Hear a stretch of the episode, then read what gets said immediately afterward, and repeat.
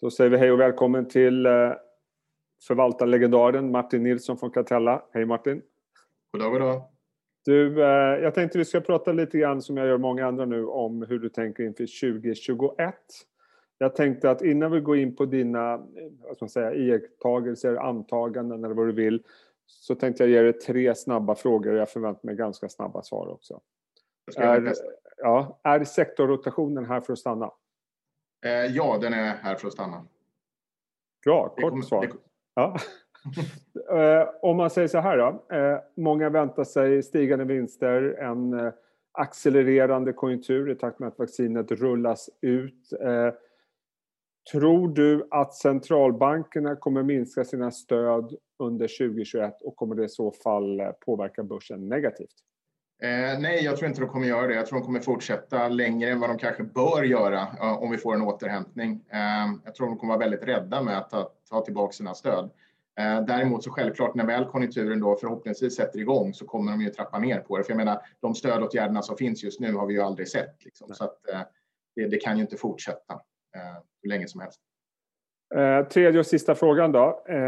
nästan alla jag pratar med, förvaltare och analytiker, är positiva till 2021 som börsår och man lyfter fram stigande vinster, bättre konjunktur, vaccin och fortsatt låga räntor. Men då undrar jag varför ska 2021 vara rationellt om inte 2020 var rationellt där vi hade liksom fallande vinster och eh, lågkonjunktur och pandemi och allt vad det var och ändå såg vi en stigande börs? Jag, jag håller med dig fullständigt eh, i det resonemanget. Jag får väl tyvärr då eh, sälla mig till den skaran som faktiskt är ganska optimistisk för, för 2021. Men den stora frågan är ju fortfarande hur pandemin kommer att utvecklas och framför allt hur vaccinationen kommer, kommer eh, utvecklas också. Kommer den vara framgångsrik och hur kommer det påverka ekonomin? Så där ligger själva nyckeln. Jag tror inte marknaden orkar med ett, ett bakslag där helt enkelt. Så full koll på vaccinet under 2021 med andra ord? Ja, Mm. Bra, tack för det. Eh, du, då tänkte jag vi gå vidare och jag tänkte vi skulle fördjupa oss lite grann i det här. Och eh, när jag pratade med dig igår så lyfte du fram eh, fyra punkter som du fokuserar på inför 2021. Man kan kalla det antaganden eller vad som helst. De fyra är 1. Håll koll på räntan. Det är cyklisk återhämtning. Det är taxonomi slash ESG. Och det är en intensifiering av M&A, det vill säga företagsförvärv och så vidare. Bra sammanfattning? Ja, jättebra. Ja. Vi börjar med punkt ett då, det här med att eh, hålla koll på räntan. Eh, och det här återkopplar lite grann till inledningen av det vi pratade om. Eh, tror du att räntan kommer att stiga under nästa år? Om vi börjar där. Ja, det tror jag. Eh, mm. Däremot så tror jag att det kommer att gå ganska långsamt eh, och det kommer inte bli några större ränteuppgångar eh, därför att jag tror inte marknaden klarar av det riktigt med tanke på att mycket, många stater och många bolag är mer skuldsatta nu efter den här covid-pandemin. Jag tror att det skulle bli problematiskt. Däremot så tror jag att räntan kommer, kommer börja stiga och när det har hänt så har vi redan sett nu under hösten så, så sker en rotation i marknaden. Eh, vi har en, ännu mer passiva pengar som, som eh, finns i marknaden. De är ganska snabba och ganska okänsliga. Eh, och det, det är därför jag tror också att sektorrotationen kommer fortsätta. Tittar man på, på räntan så, så är fortfarande arbetslösheten i världen hög, vilket borde säga det faktum att, man in, att räntan inte borde stiga. Samtidigt på andra sidan så har vi en ganska rejäl råvarupush som, som händer just nu. Eh, med mycket vad heter det, råvaror som går i taket och som kommer då gå in i nästa led i produktionen och, eh, och de kommer vara tvungna att höja sina priser. Så jag, jag, tror faktiskt vi kommer få lite inflation i systemet jag tror att räntorna kommer stiga på en, på en bättre konjunktur.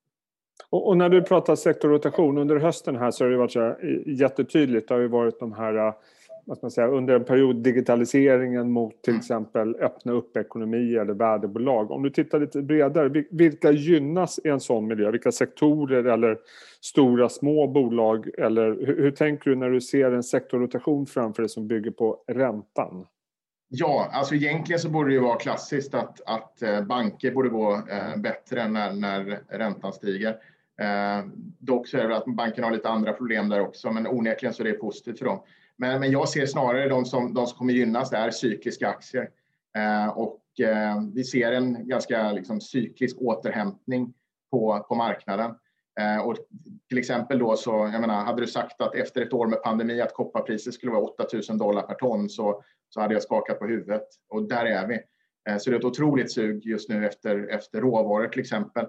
Eh, och det är en klassisk värdesektor som får kapital i dagsläget. Och det gynnar ju inte bara råvarubolagen utan också de som säljer utrustning dit, till exempel Sandvik, Epiroc eller Metsototech till exempel. Eh, så det är någonting som, som gynnas av det. Eh, sen tror jag också att det, på andra sidan så tror jag lite att om räntan börjar stiga, även om det är långsamt, så tror jag liksom tiden för den här otroliga multipelexpansionen för dyra tillväxtbolag mm. är över. Eh, de kommer fortsätta att växa vinsterna fint och kommer säkert kanske ha kvar höga multiplar, men att, att multipeln ska expandera ytterligare har jag väldigt svårt att se i ett sådant scenario. Det låter lite grann när du raddar upp bolag som kan bli vinnare på det. Vi pratar banker och större cykliska bolag. Att kan det bli en diskrepans också mellan large cap small cap? Ja, small cap har ju gått, eh, gått mycket bättre. Jag tror att small cap över tiden eh, kommer gå bättre för att det är lättare att hitta, hitta tillväxt. Eh, men självklart kan det bli en, en sån flyttning. Alltså en av de största sektorerna inom småbolagsuniversitet är fastigheter och en av de största sektorerna inom, inom large cap är bank. Och det, de har ju gynnats på, på, och missgynnats på olika sätt av det faktum att räntan har eh, fallit under en lång period. Bra. Eh, vi går över till punkt två. Du har redan varit inne på det lite grann med den cykliska återhämtningen. Det enda som oroar till viss del när jag tittar på det är ändå att, som jag nämnde förut, jag säger alltid att 2020 inte har varit ett rationellt börsår. Mm. Eh, börsen är upp 10-11 procent. Vi har dessutom fått en sektorrotation under slutet av året. Hur mycket har marknaden prisat in att vi är inne i en cyklisk återhämtning? Och vad är det mer, förutom vaccinet, som talar för eh, att cykliska bolag ska gå bättre? Du nämnde kopparpriser och så vidare. Finns det något annat som stödjer den eh, tesen? Ja, tittar man på just, just metaller så är det ju, liksom, så är det ju liksom en strukturell, strukturell efterfrågan. Mm. Mycket på, på grund av den nya ekonomin, det vill säga batteri och elektrifiering av, av fordonsflottor behöver liksom batterimetaller, koppar, förledningar etc. Eh, problemet är att de här sektorerna är ganska underinvesterade under en lång period. De har vissa geopolitiska risker eh, och eh, sen har du dollarn, eh, så det finns en, en viss eh, spekulationsdel i den också. Men det är, det är bättre efterfrågan, framförallt skulle jag säga från, från, från Kina, starkare efterfrågan. Och vi vet alla vad Kina betyder för just, för just eh, den marknaden. sen tror jag att återhämtningen kommer komma framför allt under andra halvåret men jag tror att aktierna eh, kom, kommer gå starkt under första halvåret, det vill säga att man, man diskonterar det innan. Jag tror att det kommer att ha en cyklisk återhämtning under första halvåret som är, som är god och sen kanske det lugnar ner sig. Och det där, just de där cyklerna har vi sett tidigare när vi kommer från en återhämtning också. Det, det är en typexempel på en sektor som går väldigt bra. Och, och, du nämnde några bolag. Jag har gjort en lista här med några av de bolag som du nämnde, Epiroc, Sandvik och så vidare. Eh, jag vet att du vill lyfta fram lite extra eh, Metso Mm. Eh, den har ju likt många bolag, då kommer jag tillbaka lite grann till inprisat, den har ju gått otroligt starkt sedan ja. botten där i mars. Eh, och det mm. blir ju liksom ett tema för många av dem, för många aktier överhuvudtaget får man väl säga. Mm. Men, men, vad är det som gör eh, att den då har mer att ge och att man då kanske inte har prisat in till fullo den cykliska återhämtningen? För det första så är det en sammanslagning av, av mm. två finska bolag eh, och det har en väldigt låg värdering. Kollar man på EV-multiplar så är det 11 gånger vinsten. Eh, och förväntningarna nu på nästa år är väl att capex för de stora gruvbolagen ska upp någonstans 23 procent. Men bara för några dagar sedan så var Anglo American, ett av de stora bolagen, ute och sa att man skulle dra upp capex mot 50 procent eh, och eh, fokusera. Så det, det, det, är en sektor som gynnas av det. Sen är Metsototech ett, ett, ett klockrent hållbarhetsbolag därför att det här är en ganska smutsig sektor på global nivå. Men de är duktiga på deras teknik och eh, service minskar då eh, energiförbrukning, vattenförbrukning. Eh, så i många sådana här screeningar så kommer det här bolaget väldigt bra ut ur, eh, ur ett hållbarhetsaspekt också. Och sen är det betydande synergier i den här sammanslagningen. Det är ju två bröder som alltid har konkurrerat med varandra som har, har funnit varandra nu. Så det finns betydande synergier åt ta ut i bolaget också. Det är framför allt det. Du, eh, innan vi går över på nästa ämne. Eh, är du också intresserad av aktier som är eh, såna klassiska öppna upp-vinnare? Jag tänker på hotell, flyg, turism och så vidare. Jag, jag, jag är vad heter det, betydligt mer försiktig mot, mot de segmenten. Mycket beroende på att många bolags balansräkningar är fortsatt ansträngda och det kan, komma, det kan finnas risk för att de tar in kapital. Visst, eh, rent riskmässigt så kanske man skulle kastat sig över de här, men det är inte riktigt eh, jag ser, ser det faktum att det här kommer att fortsätta en, en bra tid eh, framöver, problemen inom det här segmentet. Och då kan det komma nyemissioner som man kanske kan komma in på attraktivt där. Så det är inte ett segment som, som jag har investerat i. Okej, okay, då går vi över till nästa och det är då ESG taxonomi och då känner jag lite grann så här inledningsvis att det här är ju, det har ju strömmat in pengar. Eh, eh flödena har varit gigantiska in mot fonder som eh, eh, säger att de är hållbara. Finns det inte en risk i och med den här sektorrotationen Eh, att även ESG-aktier kan ta stryk. För det har ju också uppfattats lite grann som safe haven under den här coronatiden eftersom flödena har varit så stora. Och vi har sett en del värderingar som har kommit upp till, kan jag tycka, förvånansvärt höga nivåer. Vad, vad är det som gör att det här kommer fortsätta vara det som eh, attraherar investerare? Jag tror att vi egentligen bara början av den här trenden. Jag håller med dig när det gäller vissa av de här klassiska hållbarhetsbolagen som är multiplen stuckit iväg eh, ganska rejält. Men de aktierna har gått väldigt bra under, under en lång period. Men det här är bara början. Jag menar, vi, vi är duktiga på, på hållbarhet i Norden. Det har spridits ut i Europa, men det, nu blir det ett globalt fenomen. Och det här är någonting som kommer, kommer förstärkas ytterligare. Den här EUs eh, taxonomi, eller the Green Deal, är ju något av det mest ambitiösa som finns när det, när det gäller just hållbarhet. Och det är helt enkelt att styra investeringar till hållbara alternativ. Och det här är ett jättetema eh, som, som eh, investerare har börjat positionera sig för, men det kommer förstärkas. Och då går ifrån lite kanske de här klassiska hållbarhetsbolagen som har gått bra under längre period. De kommer ju väldigt bra ut i taxonomin också, men där har vi kanske ett, ja, lite höga värderingar. Men nu kommer det andra företag in där du inte har en, en eh, jättestor multipelpremie på grund av att de är hållbara, men som kommer väldigt starkt ut i den här taxonomitänket. Taxonomin har inte liksom implementerats, så vi vet ju inte exakt hur stor del av bolagens försäljning, men det finns estimat för det. Och vi kan väl egentligen åskådliggöra liksom vinnaraktier inom det här segmentet, både när det gäller large cap och, och small cap i, i det svenska nordiska. Men det här är någonting som kommer, som kommer förstärkas. Jag tror att det kommer vara en av de främsta driv, drivkrafterna eh, på börsen de närmaste åren. Och eh, du, du, har, eh, vi har en lista på ett antal aktier. Några av de här, jag tror du indikerar mot dem, typ Tomra och Vestas som är de här klassiska mm. ESG-bolagen. Men du har också här Lindab, Sweco, OF etc. bolag som, som kan gynnas av det här taxonomi. Lindab har ju du och jag pratat många gånger om för att både du och jag är förälskade i Ola Ringdahl. Eh, på vilket sätt, för det här är också, jag menar både OF, Sweco och Lindab har ju kursdubblats.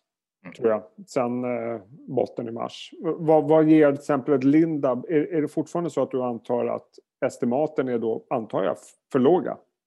Men tar man Lindab just som exempel så är det ju, det är ju ett bolag som, där, där du inte har en stor multipel expansion på grund av hållbarhet. Eh, det är ett företag som går från klarhet till klarhet. Vi har varit inne på det här tidigare.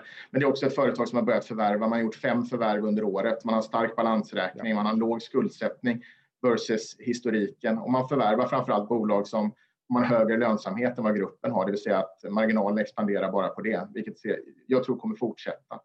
Men när det gäller taxonomi så är det just ventilationssidan där Linda kommer ut som en av de stora vinnarna just på, på den delen. Ventilation blir ett fokusområde för just den här taxonomin. Och där finns det andra företag liksom som, som hamnar under, un, under det också. När det gäller Afry, Afry eller OF och, och Sweco så handlar det mycket om hållbarhetsfokus där också. De kommer också väldigt, väldigt bra ut. Men sen har vi också de här installationsbolagen som Instalco, Bravida. Det är också företag som kommer väldigt bra, in, bra ut. Och mycket av det här det är väldigt många, väldigt många områden här taxonomi, men en, en stor del då som gynnar mycket svenska företag är just det vill säga renoveringstrenden när det gäller företag. Att vi kommer behöva renovera för att minska eh, koldioxidutsläpp men framförallt eh, ja, energiförbrukning.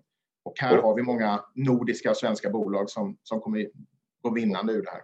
Och, och, det är ju dels bostäder, men jag misstänker att det är mycket infrastruktur generellt sett. Och, är, är det där Sweco eller kanske även OF kommer in mycket? Att de ja, absolut. Ja. absolut. Eh, framförallt Sweco, de har väl nästan 60 procent mot infrastruktur, deras exponering.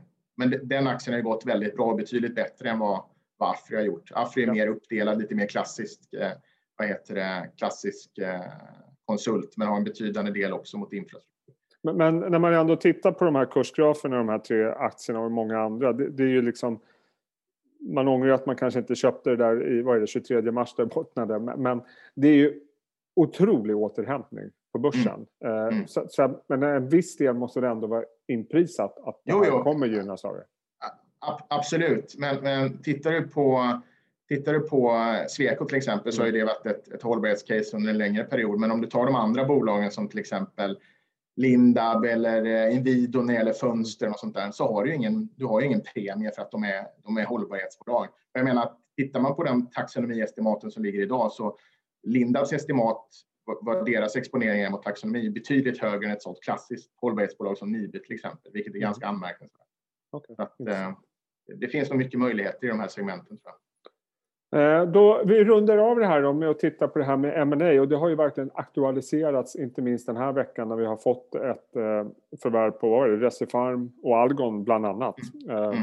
Varför händer det nu? Det, är en enkel, det, det faller tillbaka också på faktiskt covid-pandemin. bolagen har inte kunnat göra DD på samma sätt. De har inte kunnat besöka de potentiella förvärvskandidaterna Eh, Eh, och sen har vi, tittar vi på, på, på den svenska marknaden så har vi det vi brukar kalla för compounders eller serieförvärvare. Och tittar man på de här bolagen som Lifco, Indutrader och så här så ligger de ju under trend när det gäller hur mycket förvärv de brukar göra på ett år. Och det är helt enkelt att de inte har kunnat göra samma undersökning som, som krävs för att förvärva ett bolag. Så jag tror att det finns ett, eh, ett uppdämt behov från de bolagen att göra mer, mer förvärv. Jag tror också att private equity har vi också sett EQT är inblandad då i en, en rad eh, förvärv. Det tror jag också kommer, kommer komma. Eh, men, men även för, för andra bolag. Och det, här, det är självklart positivt för börsen. Men anledningen att de kommer nu och kanske förstärks, det är helt enkelt att, att eh, man har tittat på företag, man har inte kunnat slå till därför att eh, pandemin har gjort det omöjligt att, eh, att eh, utvärdera företagen på ett eh, grundligt sätt och räntekostnaderna förblir låga som det ser ut. Är, är det något speciellt område du ser att eh, det kanske kommer... Är, är det liksom inom ESG eller något liknande som du känner att här kommer det behövas mer konsolidering? Eller? Nej, men, men det, det, vi ser just nu är ju mycket förvärv inom, inom farma. Men, men, men sen är det också, vi, vi har ju ett gäng, när det gäller den svenska marknaden så har vi ett gäng bolag inom industrisektorn som brukar göra förvärv och gör det mycket. Som mindre förvärv adderar, det är framförallt kanske de två segmenten som sticker ut. Men vi kan nog se det ganska brett. Mm. Härligt Martin, vad kul det är att prata med dig. Detsamma. Eh, det, det gör vi om eh, nästa år. Det är ja. inte så långt kvar. Och tills dess så ha en riktigt härlig jul och ett gott nytt år. Tack för i år. Detsamma. Tack så jättemycket. Sköt om det.